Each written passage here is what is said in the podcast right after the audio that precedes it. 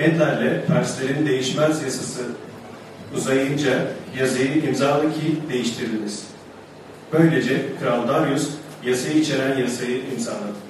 Daniel yasanın imzalandığını öğrenince evine gitti. Yukarı odasının Kudüs yönüne bakan pencereleri çıktı. Daha yaptığı gibi her gün üç kez diz çöküp dua etti. Tanrısına övgüler sundu. Bölümün az ilerisinde şunu okuruz. 16. Bunun üzerine kral Daniel'i getirip aslan çukuruna atmalarını buyurdu. Daniel'e de kendisine sürekli kulluk ettiğin Tanrı seni kurtarsın dedi. Bir taş getirip çukurun ağzına koydular.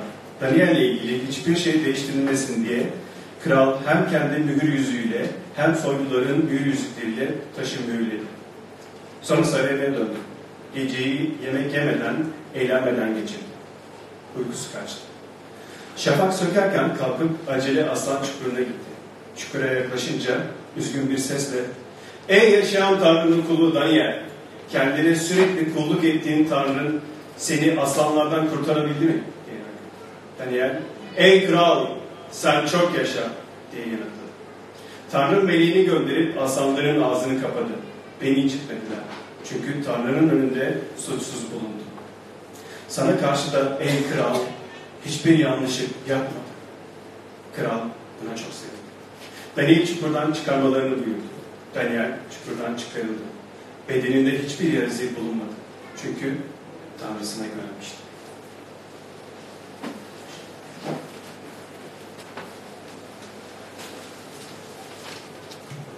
Çocukken yeterince kadar su içmedim herhalde. Doğru. tamam. Ee, evet, biz e, son defa bu e, bugün e, Daniel kitabındayız. E, Daniel kitabını biraz e, e, üzerine biraz bilgi vermek istiyorum. Daniel kitabı aslında e, eski antlaşma yani Tevrat'ın e, önündeki bir e, kitap.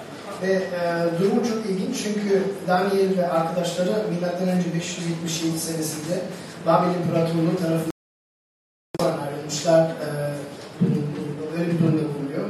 Ve e, yani bütün alışkanlık, yaşadığı kültür, bütün e, düşünceleri e, o e, tabi İsrail çevresine uyuyordu ama şimdi yeni bir çevrelerdeydi ve yeni çevre tamamen on, onların inandıklarına aykırı bir çevreydi. Peki böyle bir çevre içinde aslında nasıl yaşayabiliriz? Yani bu soruyla ilgilendik. Yani bu soruyla son 5-6 hafta bu soruyla ilgilendik. Ve yani aslında her insanı bir yerde ilgilenen bir soru. Çünkü siz istediğiniz inanın, hangi çevreden gelirseniz gidin ama uh, devamlı belirli bir uh, beklentilerle karşılaşıyoruz. Bu ailemiz olabilir, aile beklentileri olabilir, veyahut kültürümüz olabilir, veyahut yaşadığımız çevre olabilir. Ve herkes böyle bir başka dıştan beklentilerle karşılaşıp kendi, kendine göre bir çözüm bulması lazım. Ben bu beklentilerle ne yapacağım, nasıl başa çıkacağım? Ve benim teşvikim nasıl olacak, cevabım ne olacak? Hangi yerlerde uyum sağlamam lazım, hangi yerlerde hayır ama ben böyleyim, yok ben ama böyle yaşamak istiyorum diye bir duruş almam lazım. Ve bu soru yani herkesi ilgilendirir. Ve e, bu metne bakarken bugün e, birkaç söz evvelden söylemek istiyorum. E, bu Daniel'in, e, geçen haftalar e, takip ettiğinizse bu Daniel'in hizmet ettiği üçüncü kral. Daniel muhtemelen 80 yaşındaki bir yaşlı adam oldu. İlk gittiğimde e, tarih e, tarih kitapları böyle 15-16 yaşında bir çocuk olduğunu zannediyor. Yani bayağı bir ömrünü Babil'de yaşamış bir adam. Yani İsrail'e dönmemiş bir adam. Ve e, ilk kral Nebukadnezar kralıydı. Galiba son defa buradayken ona baktık. Sonraki kral e, Beşşazar kralıydı. E, sonraki kral, e, şimdiki kralın adı Darius. Farkına, farkına varmışsınızdır belki. Ve e, yani e, Babil'deki durum e, onun için bizimkine biraz benziyor diyebiliriz. Ve e, bu metne bakarken e, bir, şey, bir, e, bir şey yap, yapmak istiyorum sizden. İsa'nın kendi sözlerine bakarak e, bu metni anlamaya çalışacağız. Um, meşhur İsa'nın e, e, dağdaki vaazına bakarsak Matta kitabın 5. E, ve 7. bölümünde olan bazı İsa e, insanlara e, şöyle diyor, hayatlarınız şöyle karakterize olması lazım diyor. Bunu her bütün insanlara söylüyor. Yani istediğinizi inanın. Yani bu yaşamda bir mantıklı bir şekilde yaşamak isterseniz sizin hayatınız e, böyle olması lazım diyor ve üç tane şey diyor. Birisi diyor ki insanlar size e, benim yüzümden sövüp zulmettikleri, yalan yere size karşı her türlü kötü sözü söyledikleri zaman ne mutlu size diyor. E, ikincisi e, siz yeryüzünün tuzu olacaksınız. Siz yeryüzünün tuzu sizsiniz. Ve e, üçüncüsü dünyanın ışığı sizsiniz diyor. Tepeye kurulan kent gibi, ışık gibi olacaksınız diyor. E, ve e, bu hayatta üç şeyle karşılaşmaya hazır olmamız gerek. Ve her insanın aslında hayatta yani hayatı bir belirli bir şekilde e, başa çıkmamız lazım. Ondan bu biz bunu ruhsal arayış diyoruz. E, her insan dünyada acıyla karşılaşır. Her, her insan e, sorunlarla karşılaşır. Her insan kendine böyle bir çözüm bulması lazım. Ve biz bugün e, bu metne bu üç yönden bakacağız. Birincisi tuz, ikincisi acı, üçüncüsü ışık. E, tuz prensibi, acı prensibi ve ışık prensibi. E, ve Daniel aslında bu e, insan sözlerinin için mükemmel bir örnek, güzel bir örnek oluyor. Ve bize somut e, tasvirini gösterir yani bu söyledikleri. Bu dünyada e, İsa'ya inanan ve inanmayan insan olarak nasıl yaşayabiliriz? Bu üç önemli yönlerden bakabiliriz, üç prensipten bakabiliriz. Tamam, birinci prensibe girelim. Ee, ben bir saati gözden kaçırıyorum. Tuz prensibi. Ee, yeryüzünün tuzu sizsiniz diyor. Ve bunu Daniel'de görüyoruz. Daniel'in hayatında görüyoruz. Bak hatırlatın, hatırlayın. Um, Daniel'in bayağı ünlü bir işi vardı. Yani seküler dünyada ünlü bir adamdı. Bayağı bir güce sahipti. Ve yüksek pozisyonda çalışırdı. Yani böyle önemsiz, e, önemsiz bir adam değil. Ve Babil Devleti'nde mükemmellik gösterdi. Ve adamın üç kalitesi var ve bu metinde okuyorsunuz. Birincisi bozulmaz derecede dürüst.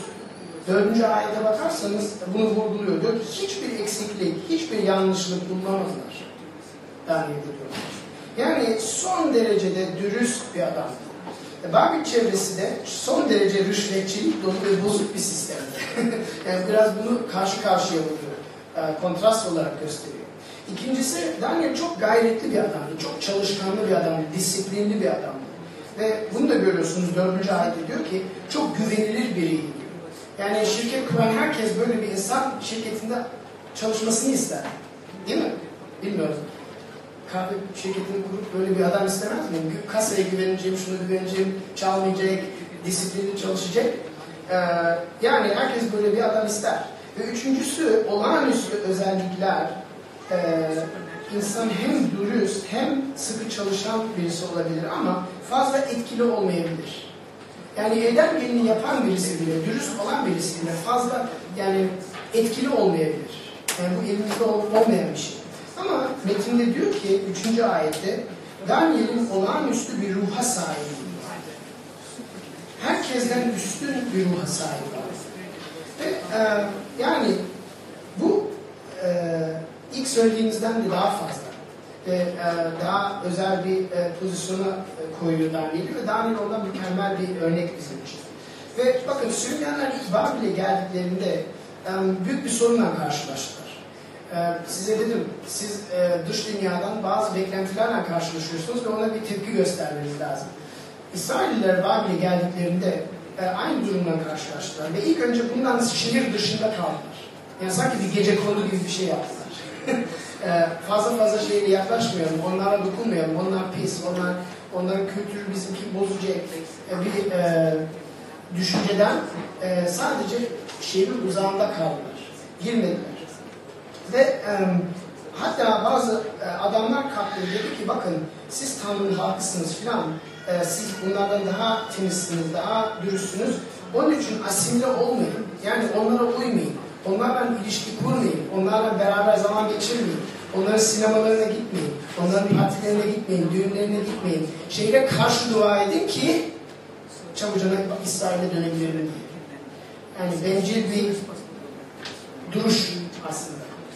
Ee, ve e, belki hatırlarsınız bakmıştık Yeremia diye bir e, bir peygamber vardı ve bu onlara bir mektup yazıyor. Yeremia Kudüs'te kalmıştı. E, ve mektup yazıyor. Diyor ki ben size bir nasihat veriyorum. Tanrı'nın sözü diyor. E, siz ne asimile olun diyor ne de ayrımcılık yaşayın. Çünkü Babil kralın İsrail'in e, en ünlü adamlarını sürüngen olarak götürmenin planı şuydu. Yani Babil çevresinde bunlar bizim gibi olacak. Asimile olacak. Fazla farklı kalmayacak. Ve en sonunda böyle bir şekilde kolayca İsrail'i biz, bizim gibi bizim kafamıza göre döndürebileceğiz diye bir düşünce var, bir plan var. Ve, ve e, İsrail halkının bazıları diyor yok yok ayrımcılık yapın, asimile olmayın diyor. Ve Yeremiya'da okuduğumuz şey, belki hatırlarsınız 29. bölümde um, diyor ki yok ne asimile olun ne ayrımcılık yaşayın. Değişik teoriler başka bir şey yapın diyor. Ve üç şey sayıyor diyor.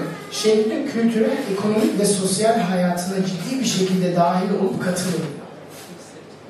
İkincisi olarak benim halkım olarak kimliğinizi koruyun, değişik bir şekilde yaşayın. Yani asimile olmayın diyor ama ayrımcılık da yapmayın diyor. Ve üçüncü olarak diyor ki Babil şehrinin esenliğini, huzurunu, zenginliğini, ilerlemesini ve barış için uğraşın diyor. Yani demek istediği siz sadece gidip bencil bir şekilde bu şehirde yaşamayın.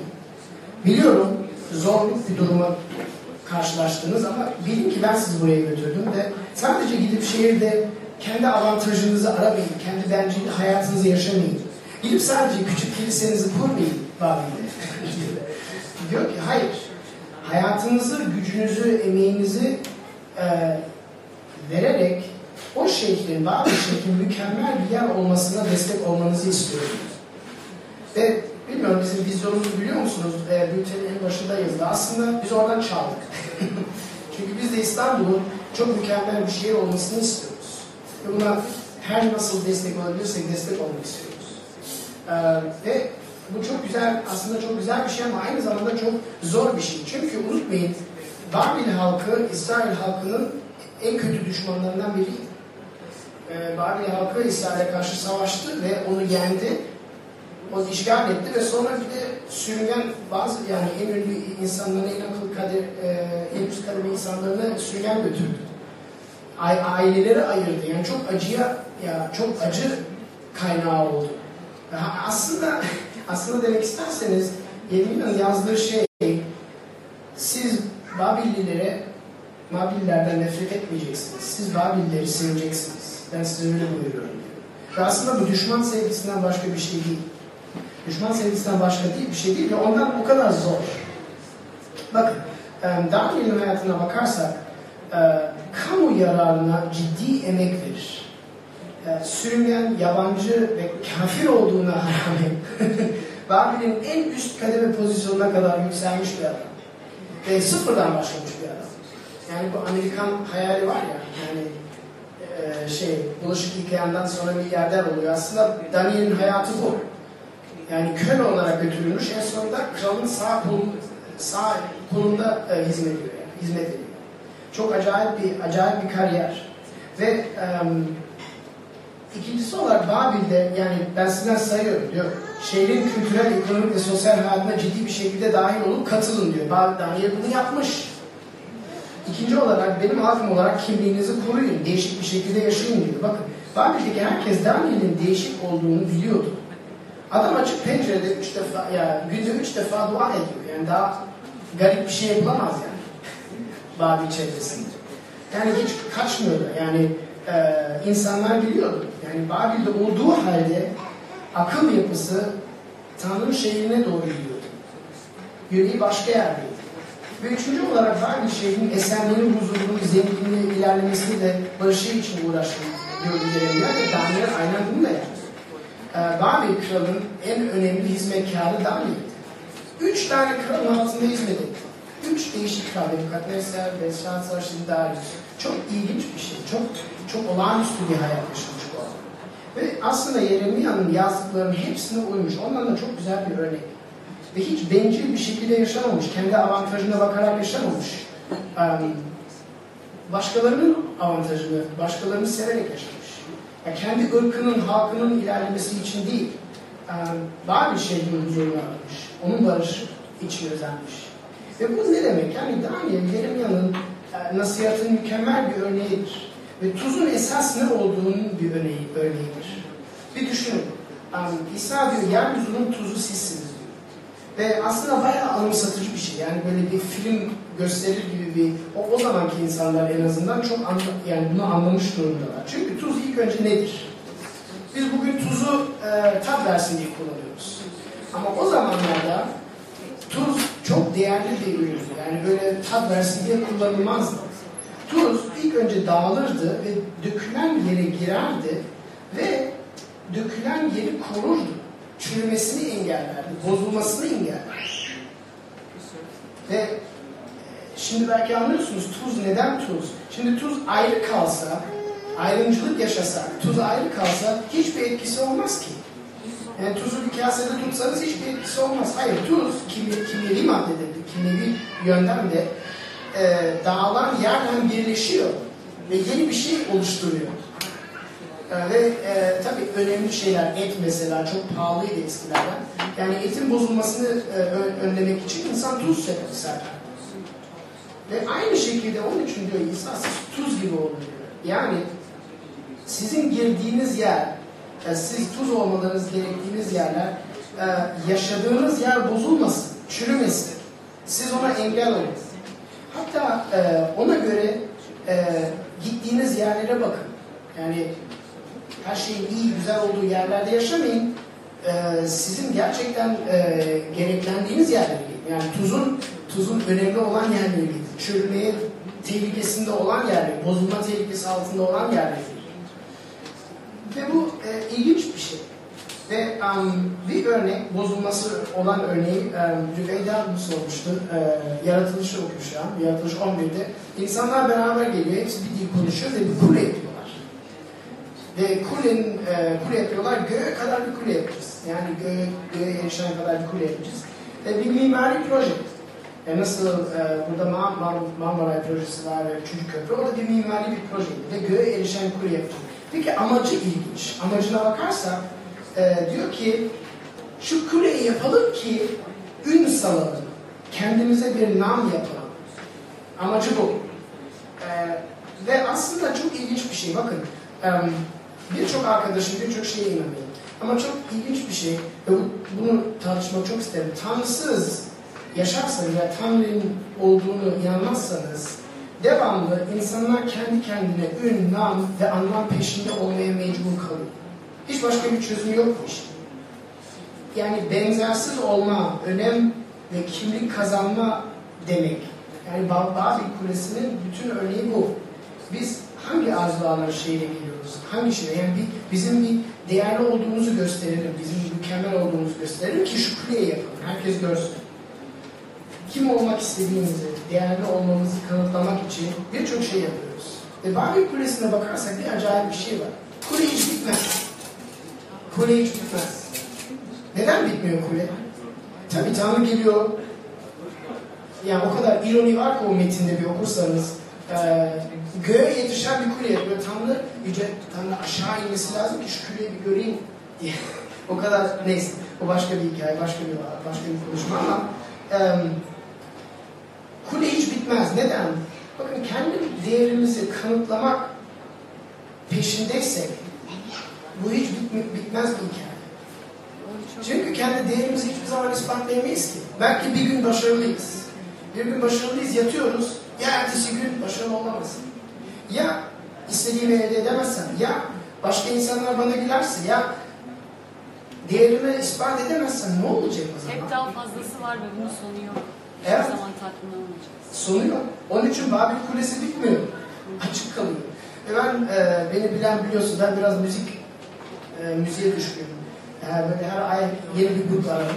E, şu an Alman bir grup çok ilginç. E, bütün dünyada yeni bir albüm çıkıyor. Bütün dünyada e, birinci e, şeyde. Ve Alman grup çok ilginç. Onun gitaristi bir e, şey yaptı. Bu grup Amerika'ya gidince 80 bin kişinin önünde çalışıyor. Rus çalıyor. Rus, Rusya gibi 80 bin yani futbol stadında çalıyorlar. Ve dünyanın en grup, büyük gruplarından birisi. Gitarist bir, e, bir yazarla oturup yani bir gazeteciyle oturup e, şey yapıyor. Diyor ki ya ben çok kötüyüm diyor. Yani ben çok kötüyüm çünkü geçmiş başarılarımdan hiçbir değer çıkaramıyorum diyor. Yani albüm kaydettim diyor. Kaydettiğim bittiği an depresyona düşüyorum diyor. 40 bin insanın önünde çaldığım an, 60 bin, insanın önünde çaldığım an, 80 bin insanın önünde çaldığım an konser biter bitmez bir depresyona düşüyorum. Çünkü devamlı benim değerim nedir? Nasıl kanıtlayabilirim? Peşindeyim. Çok ilginç bu adamlar zengin, her şeye yetmiş, çok ünlü. Ee, O kadar büyük insan şey, e, seyirci önünde çalıyor ve hala adam peşinde, Barbie kulesini yapmak peşinde. Çok üzücü bir durum aslında. Yani başarı, ün, para, servet, kovalama bitmez. İnsanı sinir krizine uğratır, depresyona uğratır, kabuslara uğratır. Kendi değerini kanıtlama peşinde ne olursa olsun, aile saygısı olsun, ilişki olsun, iş olsun, hiçbir zaman bizi mutlu kılmaz. Kılamaz. İmkanı yok.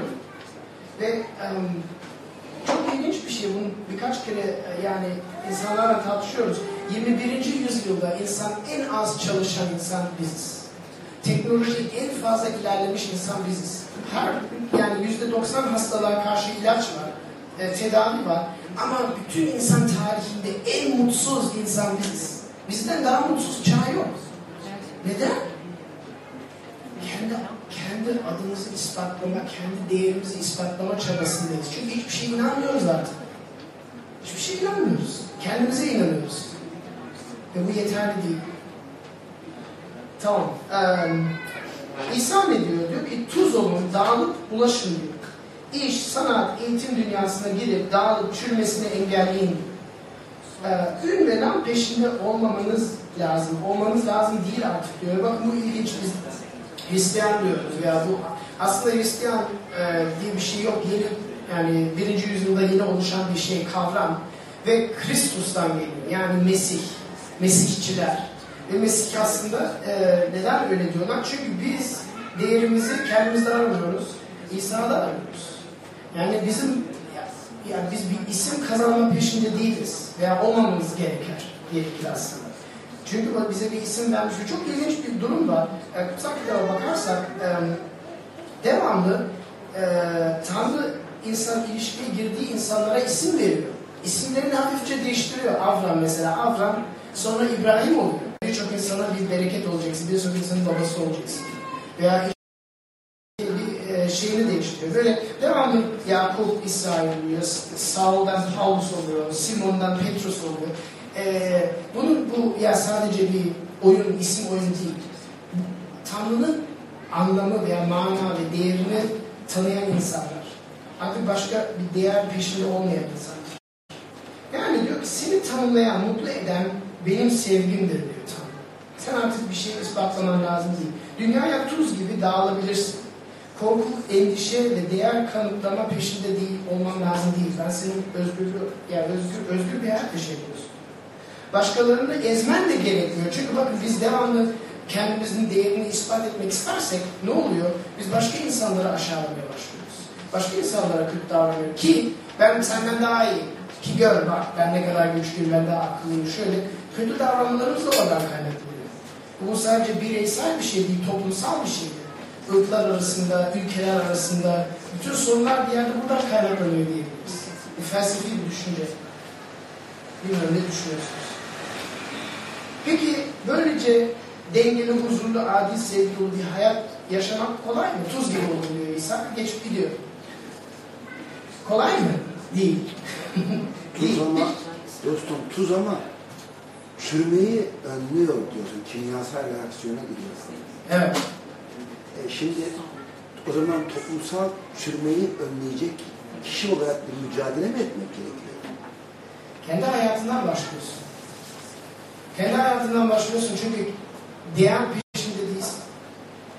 Bir yani arzuların bu dünyanın verebileceği şey değil. Yani arzuların bir yerde doldurulmuş bir durumdasın. Yani boş bir şişe olarak dolu, yürümüyorsun, dolu bir şişe olarak yürüyorsun ve herkese su vermeye kabiliyetinde bulunuyorsun. bu iyi bir sorun. Bakın ben bunu hazırlarken ben dedim valla bu o kadar kolay bir şey değil. Düşündüm ya ben böyle miyim? Ya ben tuz gibi miyim? Ya benim tesirim, etkim, çevreme verdiğim etkim tuz gibi. Yoksa değil mi? Ve ya birçok zaman biz de yani biz de böyle yüzde yüz Daniel gibi yaşayamıyoruz. Ama hatırlıyoruz ve yani Daniel gibi olabiliriz. İmkanımız var ve çağrımız da var.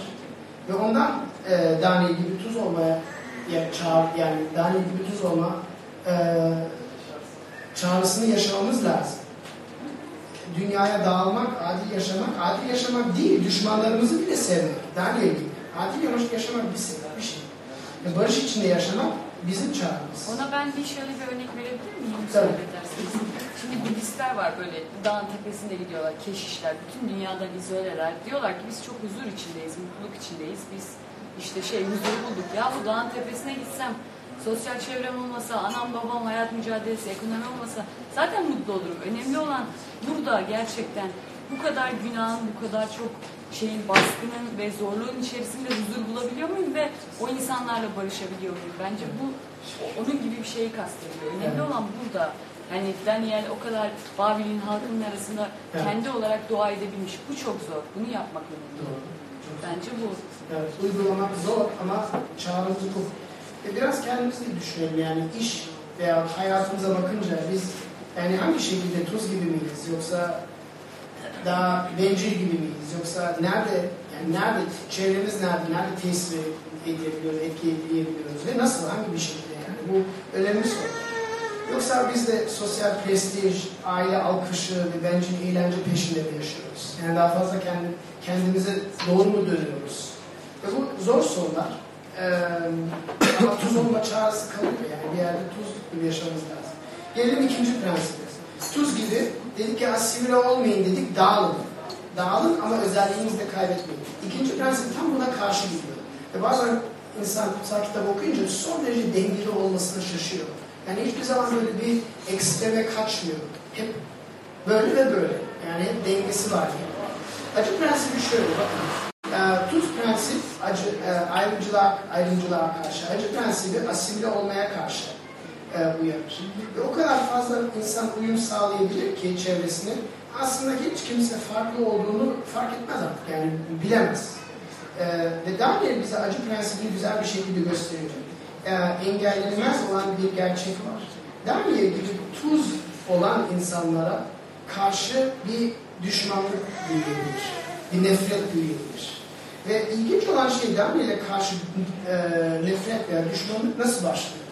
Bakın dördüncü ayda bakarsanız e, diyor ki bunun üzerine Darius diyor ki vallahi ben bu Daniel'i e, daha üst bir pozisyona koymak istiyorum. Yani okursanız e, bunun üzerine suçlamak için fırsat e, kollamaya başladılar diye okuyoruz.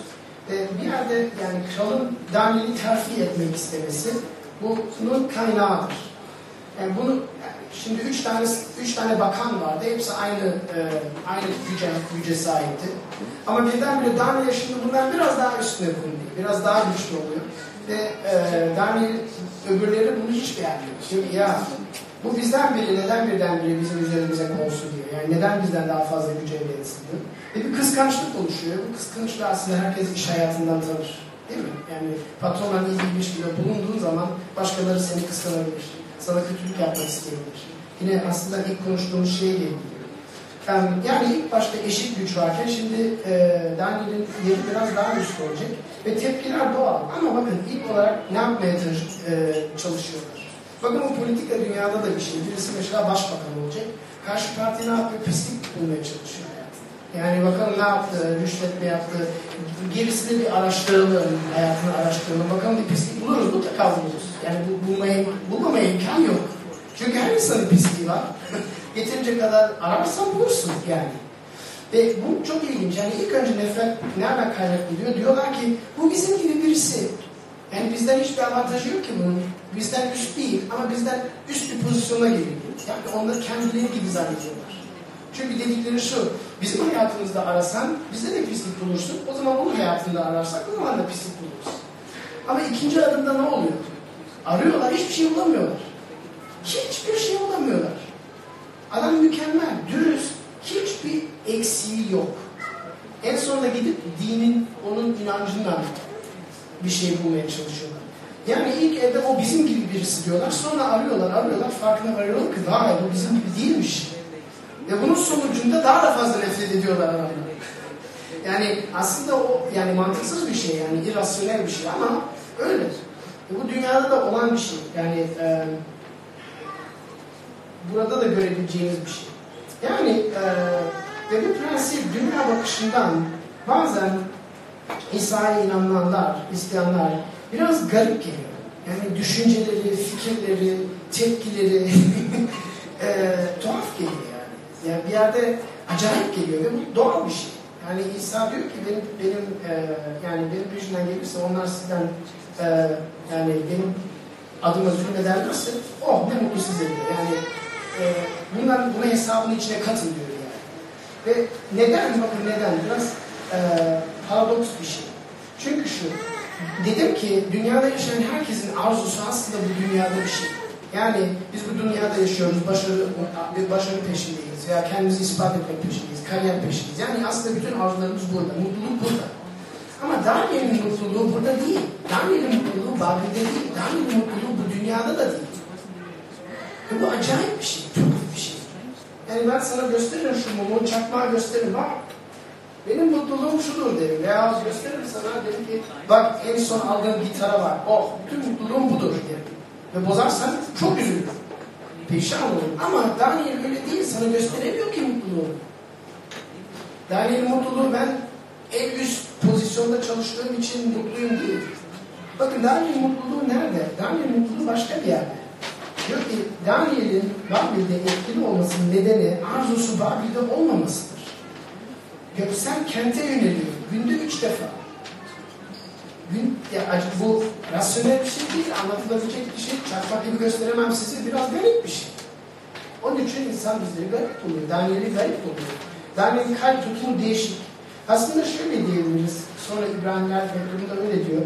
Çünkü mimari ve kurucusu Tanrı olan temelli kenti bekliyorlardı. Bunu Daniel üzerine söylüyorlar. Ama onlar daha iyisini yani göksel olanları arzu ediyorlardı. Bunun içindedir ki Tanrı onların Tanrısı olarak anılmaktan utanmıyordu. Çünkü onlara bir kent hazırladı. Yani Daniel Babil şehrinde yaşıyor. Babil şehrini bereketlemek istiyor. Onun iyileşmesine barış için çalışıyor ama aslında benim tek, tek güzelliğim benim gör, görünüşümse o görünüşü kaybedersem bütün güzelliğim kalmaz. Veya tek yani tek sevgim, tek arzum arkadaşlarımdan, ailemden sayılıp sevmekse onu kaybettiğim an değerimi kaybetmiş oluyorum. Yani sevgimi kaybedersem hiçbir şeyim kalmıyor. Veya eğlence, bunun çok örneği var ama arzular bu dünyada olmayınca iş garipleşiyor, tuhaflaşıyor. Ve İsa onu vurgulamak istiyor. Hatta diyor ki, e, dünyadan olsanız diyor, dünya kendisine ait olanı severdi diyor. Ne var ki, dünyanın değilsiniz, arzularınız burada değil. Ve ben sizi dünyadan seçtim, bunun için dünya sizden nefret ediyor. Size söylediğim sözü hatırlayın. Hizmetçi efendisinden üst değildir. Yani ki beni sevmedilerse, beni çalmaya geldilerse sizi de kovalayacaklar. Sizden de nefret edecekler. Bu gariplikten dolayı, tuhaflıktan dolayı. Tamam. Ve birazcık da bu normal bir şey. Çünkü dünya sistemine göre, bakın dünya sistemine göre, bunu birkaç kere dokunmuştum. İnan, İsa'nın söylediği şey garip. Çünkü her şey alt üst geliyor. Her şey alt üst geliyor. Bütün sözlerini, sözlerini biraz toplarsanız, İsa'nın söylediği, anlattığı egemenlikte her şey alt üst. Güçlü olmak isteyen güçten düşer. Ee, lider olmak isteyen herkesin hizmetkarı olur. Ee, yaşamını korumak, kendi yaşamını korumak isteyen yaşamını kaybetmesine razı olması lazım. İlk olmak isteyen son olması lazım. Son olmak, son olan ilk olacak. Yani her şeyi alt üst ediyor. Bütün dünyanın değer sistemini alt üst ediyor. Tabii ki garip. Tabii ki tuhaf. Ee, mantıksız geliyor. Bakın bir örnek vereceğim ondan sonra üç, üçüncü düşünceye geçeyim. Din ve inanç. Mesela dinden bahsedince insan herkes dinin yani dinin ne olduğunu bilir. Tabi bilir misin? Tanrı'nın buyruklarını okuyacaksın. Herhangi bir kitaba inanıyorsun veya bir varlığa inanıyorsun. Elinden geldiğin kadar iyi ahlaklı bir insan olarak yaşayacaksın. Ve dini görevlerini yerine getireceksin ve sonuçta Tanrı seni kabul edecek, seni bereketleyecek. Bu değil. Basit. Ama insanın öğrettikleri bunun tam tersi. Alt üst. Bak din, ben bunları yaparsam Tanrı'nın sevgisini hak ettim. Veya kazanabildim. Tanrı beni bereketleyecek. Ama İsa'nın öğrettiği değişik. Bizler ne diyoruz? Biz diyoruz ki biz hiçbir zaman Tanrı'nın isteğini yerine getiremeyiz ki. İsa'nın benim için yaptıklarına güvendiğim için onun sayesinde Tanrı beni kabul edebilir. Yani alt üstünü anlıyor musunuz? İlk önce siz, dinde ilk önce siz bir şey yapmanız lazım. Siz kendinizi ispatlamanız lazım. Değerinizi, ahlakınızı, iyi olduğunuzu ispatlamanız lazım. Ama İsa'nın öğrettiğinde İsa diyor ki siz istediğiniz kadar tecrübe edin, mükemmel olamazsınız ki diyor. E, Tanrı'da herhangi bir şey sığınmak isterseniz Tanrı mükemmellikten başka bir şey kabul edemez ki diyor. Onun için ben geldim diyor. Onun için ben geldim ve ben size armağan ediyorum bütün mükemmelliği. Yani biraz alt üst. Ve bunu anlamak çok zor ve anlatmak da çok zor. Ee, ama bu din ve inancın farkını anladığın an hayat köklerimiz bu dünyadan, bütün arzularımız bu dünyadan çıkartılıp derin bir şekilde İsa Mesih'in içine gömülmüş durumdadır. Başka bir dünyaya gömülmüş durumdadır. Ve bu biraz garip. Garip.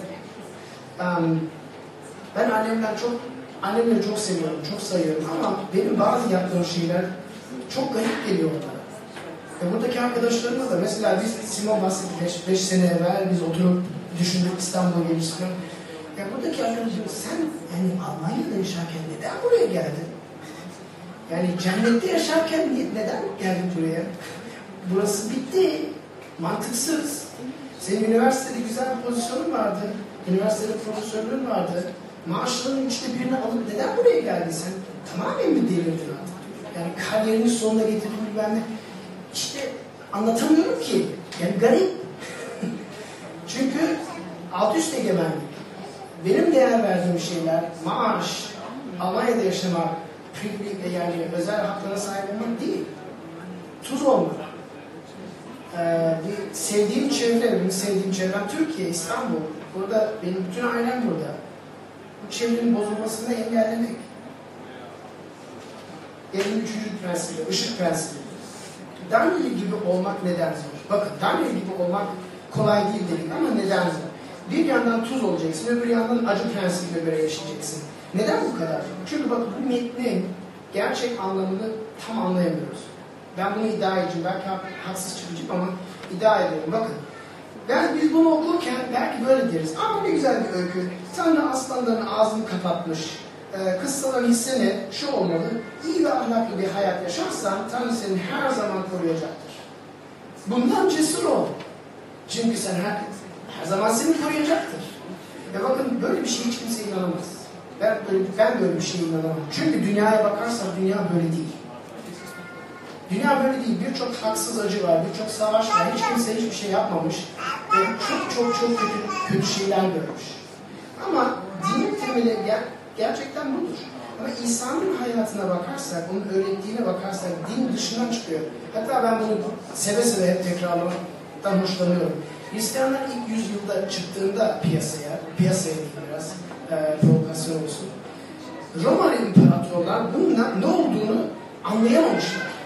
Biliyorsunuz Roma imparatorluğunda her tür din vardı. Ama buna Hristiyanlara dindar dememiş, ateizm demişler. Bak bu tarih kitaplarını okuyabilirsiniz. O kadar acayip bir düşüncelere sahip ki bunlar. Buna ateist demişler. Din, din kategorisine bile koymamışlar. Ve doğru, bence haklı olarak koymamışlar. Sonuçta en fazla Tanrı'ya itimat eden, onun buyruklarını yerine getiren, hiçbir tek günah işlemeyen tek insan İsa'dır. Cenneti hak eden tek insan, başka kimse Kur'an'da da yazıyor. Tek, yani günahkar, gün hiç günah işlememiş. Ama hayat sonunda her tür acı ve ızdırap çeken de tek İsa'dır. Haksız yere onunla alay edilip öldürülen tek İsa oydu. Kıssadan ise yorum kesin yanlıştır. Çünkü İsa kendisini bir hekim ile mukayese eder. Bakın bu çok ilginç. Diyor ki, hocalar soruyor. Sizin öğrenci, e, sizin öğretmeniniz neden ahlaksız günahkarlarla birlikte yemek yer? Dindar insanlar böyle bir şey yapmaz. Uzak dururlar. İsa bunu duyunca şöyle diyor. Sağlamları iç, sağlamların değil, hastaların hekime gereği var, ihtiyacı var. Çünkü ben doğru kişileri değil, doğru kişiler için değil, günahkarları çağırmaya geldim. Çok ilginç bir şey. Bir hekim nedir? Bir doktor ne- neden doktora gidiyoruz? Bakın kendi kendimize sağlık durumumuzu iyileştiremeyince doktora gidiyoruz. Kendi kendimize başa çıkınca doktora gitmiyorum. Evde ilaç varsa, biraz burnum akıyorsa, ondan sonra bilmem ne sıkıyorsam, ertesi gün, üç gün sonra iyisen doktora gitmem hiç gereksiz ki. Ama kendimden hiçbir yapacağım bir şey yoksa o zaman doktora gitmem lazım. Ve e, İsa'nın söylediği bu. Kendini dürüst, masum, iyi, sağlam görenler için gelmedim. Bilakis iyi, suçsuz olmadığını bilenler için geldim. Hastalar için geldim. Ve bu büyük, büyük bir çelişki olduğunun farkındayım. Peki o zaman Daniel'in öyküsü bizim ne öğretmek istiyor? Yani Daniel'de böyle olur. Neden bu mucize var? Anlamı nedir? Bakın iki şey. Ondan sonra bitireceğim. Birincisi gelecekteki selamet, kurtuluşu belirtmek için. Ve birisi bizim için geçmişte olan gerçekleşen selameti, kurtuluşu vurgulamak için. Bir gelecek, bir geçmiş. Gelecekteki selamet, bakın kutsal kitapta birçok mucize geçiyor. Ve İsa en fazla mucize yapan İsa'ydı. Ama bakın bu mucizeleri okuyunca insan böyle düşünebilir. Ha, bunu neden yapıyoruz? Güç gösterisi mi acaba? Ama bakın güç gösterisi değil. Bakın güç gö- gösterisi olsa peygamberler şöyle derdi. Bak, bak şu dağı görüyor musun? Ben bunu volkan gibi patlatıcıyım, alevler çıkacak. bu çok daha güzel bir güç gösterisi olmaz mı? Veyahut e, bak ben şu iskemleyi havaya aldırıp e, havada oynatacağım filan. Ama öyle bir şey yapmıyor. Mucizeler böyle değil. Bakın bütün mucizeler hiç güç, güç gösterisiyle ilgisi yok. Güç gösterisi değil. Körleri, acıları, hastaları, cüzamları, ölüleri iyileştirmek başka bir şeyi belirtiyor. Selameti, kurtuluşu belirtiyor. Bütün bu mucizelere bakarsanız doğal düzenin ertelenmesi değil. Ben fizikçiyim, her şeyin bir kanunu var, formüllerini yazıyorum. Mucizeler bu doğal sistemi ertelemek değil. Aslında doğal düzeni restore etmektir. Yani Tanrı bize dünyanın nasıl olmasını istediğini gösteriyor. E bu, bakın bunu, bunu siz çok kolay anlayabilirsiniz. Daha geçen gün iyi bir dostum, birkaç gün görmedim, yazı yazdım filan. Ne oldu dedim. Ya dedi benim çocukluk arkadaşım da öldü dedi. Kalp krizi geçirdi. Gittim cenazesindeyim. Kapattım dükkanı. Ya içim ağladı yani. Çünkü bir yerde diyoruz ki bu dünya böyle olmaması lazım. Bu böyle doğru değil. İnsanların 41 yaşında, 39 yaşında erkenden ölmeleri doğru değil. Yanlış. Bu doğru değil. Haksız bir şey. Ve onun için mucizelere bakınca İsa bize hak veriyor. Doğru diyor. Bu doğru değil. Ve benim istediğim gibi de değil. Ve mucizeleri yaparken bize göstermek istiyor. İlk yarattığında neyi, dünya neye benzediğini ve gelecekte yine nasıl yapacağını gösteriyor. Her şeyin mükemmel olacağını gösteriyor. Bakın 80 yaşındaki Daniel vahşi aslanların yanında uyuyup onu onları okşayıp yanında yatması bunu simgeliyor. Ve e, biraz fazla konuştum ama Yeşaya'nın Yeşaya'da bir peygamberde 11. bölümünde şöyle diyor. Kurtla kuzu bir arada yaşayacak diyor. Pars'la oğlak birlikte yatacak diyor. Buzağı genç aslan ve besilli sığır yan yana duracak diyor. Onları küçük bir çocuk bilecek diyor. Yani bizim gördüğümüz doğal sistem bozuk bir sistem. Ve onun için kutsal kitapta e, aslanlardan okuyunca, aslan, kükreyen aslanlardan okuyunca doğaya karşı, doğaya, doğada bir uyumsuzluk olduğunu gösteriyor. Acı ve tehlike olduğunu gösteriyor simgeliyor. Ve Yeşaya'nın e, bu bölümü tam bütün bu evrendeki uyumsuzluğu yine iyileştireceğinden bahsediyor. Harmoni, barış, huzur getireceğinden. Tamam, ikinci şey geçmişteki selamet. Kral neler oldu diyor. Kral Daniel'in e, Daniel'in atılmasından hiç memnun değil. Bütün gece uyuyamıyor. E, eğlenmekten vazgeçiyor. Ertesi sabah koşuyor. Daniel var mısın? Bir şey oldu mu? Senin, senin mı? Daniel'in yanıtı ne? Böyle Tanrı meleğini gönderdi. Bakın bu melek kim? Çok ilginç. Birkaç bölüm evvelden okumuştuk. Şadrak, Meşak ve Abednego onun arkadaşları vardı. Ve onları e, kral fırına atmıştı. Yanma, yanmaları için ateş fırına atmıştı. Onlar da yine bir uyumsuzluk sağladı, bir gariplik yapmışlardı. Ama suçsuzdular. Ve ondan sonra içine baktı, ya biz üç adam atmadık mı fırına? Ama Ee, evet ama sen kaç sayıyorsun? Birdenbire içinde dört adam var. Ve birisi Tanrı'nın oğluna benziyor diyor kral. Şimdi bakın fırın değil, bu sefer aslan çukuru ama e, Nebukadnesar'ın yorumu ilahilerin oğluna benzeyen e, yine aynı şey, aynı melek. Yani ilginç ve acayip olan şey şudur. Madem ki Tanrı meleğini gönderiyor bizi kurtarmak için, neden Süpermen gibi veya bir süper kahraman gibi kurtarmıyor? Bakın süper kahraman kurtarsa böyle havadan gelir seni tutar dışarı çıkarır. Aslan ısıramadan evvel. Veya fırına atınca neden böyle üfleyip de ateşleri söndürmüyor? Süper kahramanlar acının içine girmeden kurtarıyor bizi. Ama bu melek her zaman acının içine giriyor. Fırının içinde bizimle beraber giriyor. Veya burada aslan aslan çukurun içine giriyor. Yani bizim olduğumuz yer, yere o da giriyor. Çok acayip bir şey, ilginç bir şey. Yani her zaman içeriye, acının içerisine giren, kaynağına giren bir melek. Ve acıdan kurtarmaz, acının içinde bizimle yürür ve öyle bizi korur. Ve Daniel bunun kim olduğunu bilmek isterseniz, Daniel'den 600 son yıl sonra başka bir insan suçsuz yere idam edildi. Bunu bilirsiniz. Mezara atıldı. Taşla kapatıldı mezar. Ve sonra dirilip çıkmış. Ki İsa. Neden böyle? Bakın Mezmur 22'sini okursanız, Mezmur Davut'un yazdığı şarkılar. 22. Mezmurda şöyle yazıyor. Tanrım Tanrım beni neden terk ettin?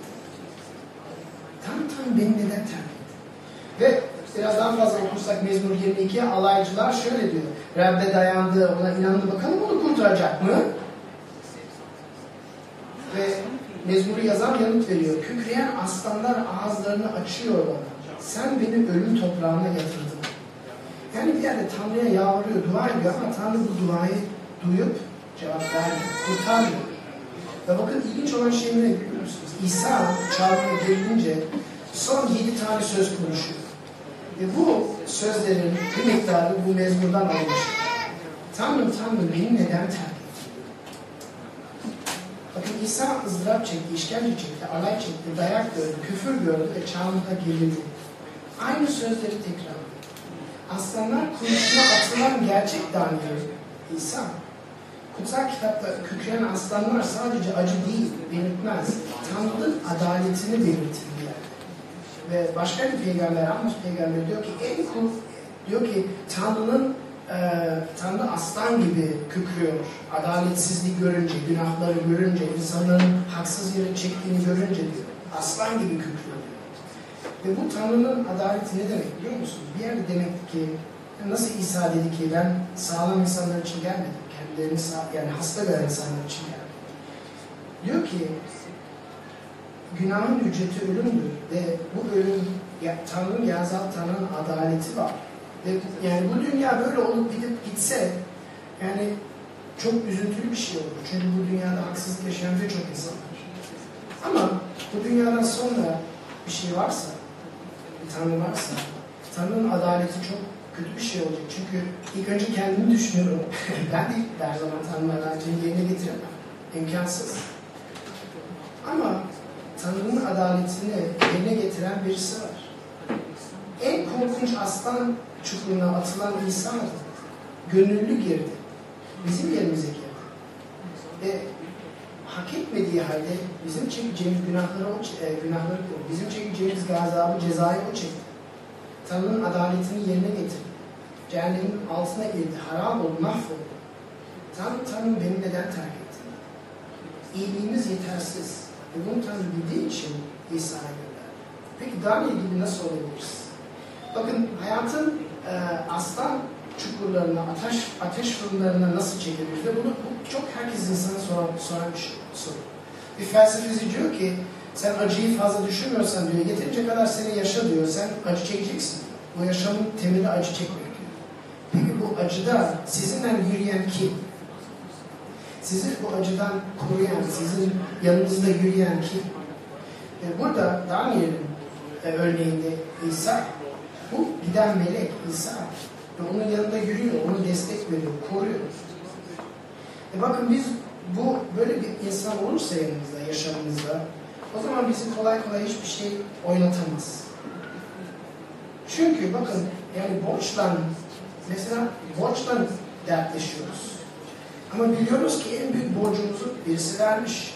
Günah borcunu vermiş. Bu yaşam bitince benim borcum kalmamış. Veya yalnızlık. Biz yalnızlıktan dertleşiyoruz. Biliyoruz ki en fazla yalnızlığı İsa çekti. Çağımızda yalnızlık çekti. Hiç kimse kalmadı. Bütün arkadaşları terk etti. Tanrı onu terk etti. Çünkü günah Aile, aile bizi sa- sayıp kabul edemiyorsa, yaptıklarımızı garip buluyorsa, biliyoruz ki ha, tamam ama İsa kendi ailesinden dışarı atıldı. Baba İsa'yı dışarı attı çünkü İsa bütün günahları üstlendi. Kurtarmak için, bizleri kurtarmak için. Yani bize bir teşvik veriyor, bir, bir kuvvet veriyor. Daniel gibi yaşamak için. Ve en sonunda bakın Daniel'in manası yargıcın Tanrı'dır diyor. Ve bu çok ilginç bir şey. Çünkü aslında bu demektir ki Daniel'in adı şu demektir. Senin veya başkalarının yargısı bana dokunamaz demektir. Çünkü benim tanrım, benim yargıcım bu dünyadan değil, Tanrı'dır. Ve beni yargılayan tek birisi var. Buna inanabilir misin? İnsan senin benim cezamı üstlenip bizi böylece tamamen mükemmel bir günahkar kılmasına inanabilir miyiz acaba? Kükreyen aslanlar beni gerçekten bitirebilecek aslanları İsa bitirdi. Dünyanın aslan kuyusunda kurtulmak, buna inanmak, o zaman ışık olmak, Daniel gibi ışık olmak, başkalarının için ışık olmak, tuz olmak. Öbür bakanlar, ilginç olan bir şey şu, öbür bakanlar Daniel'den nefret ederdi ama Darius kralı Daniel'i son derece severdi. Bunu metinde görüyorsunuz. Uykusu kaçıyor adamın, eğlenceden korkuyor. Daniel'in ne oldu ne bittiği endişe içinde, üzüntü içinde. Neden acaba? Zannediyorum ki Daniel'in yaşamını kral iyice bir izledi. Bu yaşamın başkaları olmadığını gördü. Olağanüstü bir yaşam yaşadığını gördü. Ve çok çekiciydi. Kral için bu çok çekiciydi. Ve onun değişik olduğunu gösterdi. Ve bazı insanlar, bu bize teşvik olabilir. Siz tuz prensibine göre yaşayın, acı prensibine göre yaşayın, ışık prensibine göre yaşayın. Bazı insanlar sana öfkelenecek, sana nefret edecek, seni düş, düşman gibi görecek. Ama başka insanlar, Darius gibi, seninle yaşamını izleyip çok çekici bulacak bir yaşam. Ve çok e, seveceksin. Bir um, son sözden bitirmek istiyorum. Bakın bir adam e, 18. yüzyılda bir adam şunu şöyle dedi. E, İsa'ya inanırsan senin sevincin nereden gelir dedi. Ve üç tane yorum verdi. Ve bu çok güzel oluyor. Diyor ki bakın bu yaşamdaki bütün kötü şeyleri çektiğin acıları Tanrı iyiye çevirecek dedi. İkincisi dedi, Tanrı'nın sana verdiği iyilikleri, armağanları senden hiç kimse alamaz dedi. Çünkü bu dünyadan değil. Ve üçüncü şey, senin göreceğin en iyi şeyler daha önünde ve henüz gelmedi dedi. Ve bu sebepten en mutlu insanlar aslında biz olmamızdan diye söyledi ve inşallah siz de. Evet sonuna geldim. Sabrınız için teşekkür ederim. Bakın şimdi eee duyduklarınıza değişik şekilde tepki gösterebilirsiniz. Biz biraz eee yani bu show gibi bir şey değil. Eee bültene bakarsanız eee 6. sayfada hala düşün, yani belki bunu ilk defa duydunuz düşünüyorsunuz. Böyle bir şey olabilir mi? Biraz garip, biraz tuhaf. Eee benim göremediğim, inanmadığım şeyler. O zaman eee şimdi şarkılar söyleyince siz de dinleyin. Eee metinleri okuyun bültende, düşünün, kendi kendinize düşünün. Dua isterseniz, belki birinin için dua etmek istersiniz, belki kendiniz için dua etmek istersiniz. Bakın burada mum koydum, çakmaklar koydum. Bir gün öne belki de dua etmek isterseniz, İsa sen gerçek misin, bu duyduklarım doğruysa kendini bana bir göster, lütfen ispatla. Bir gün öne bir mum yakın, onun içine koyun. Böylece yaptığınızı biraz belirtin. Veyahut en son, şimdi Rabbin sofrasına geleceğiz.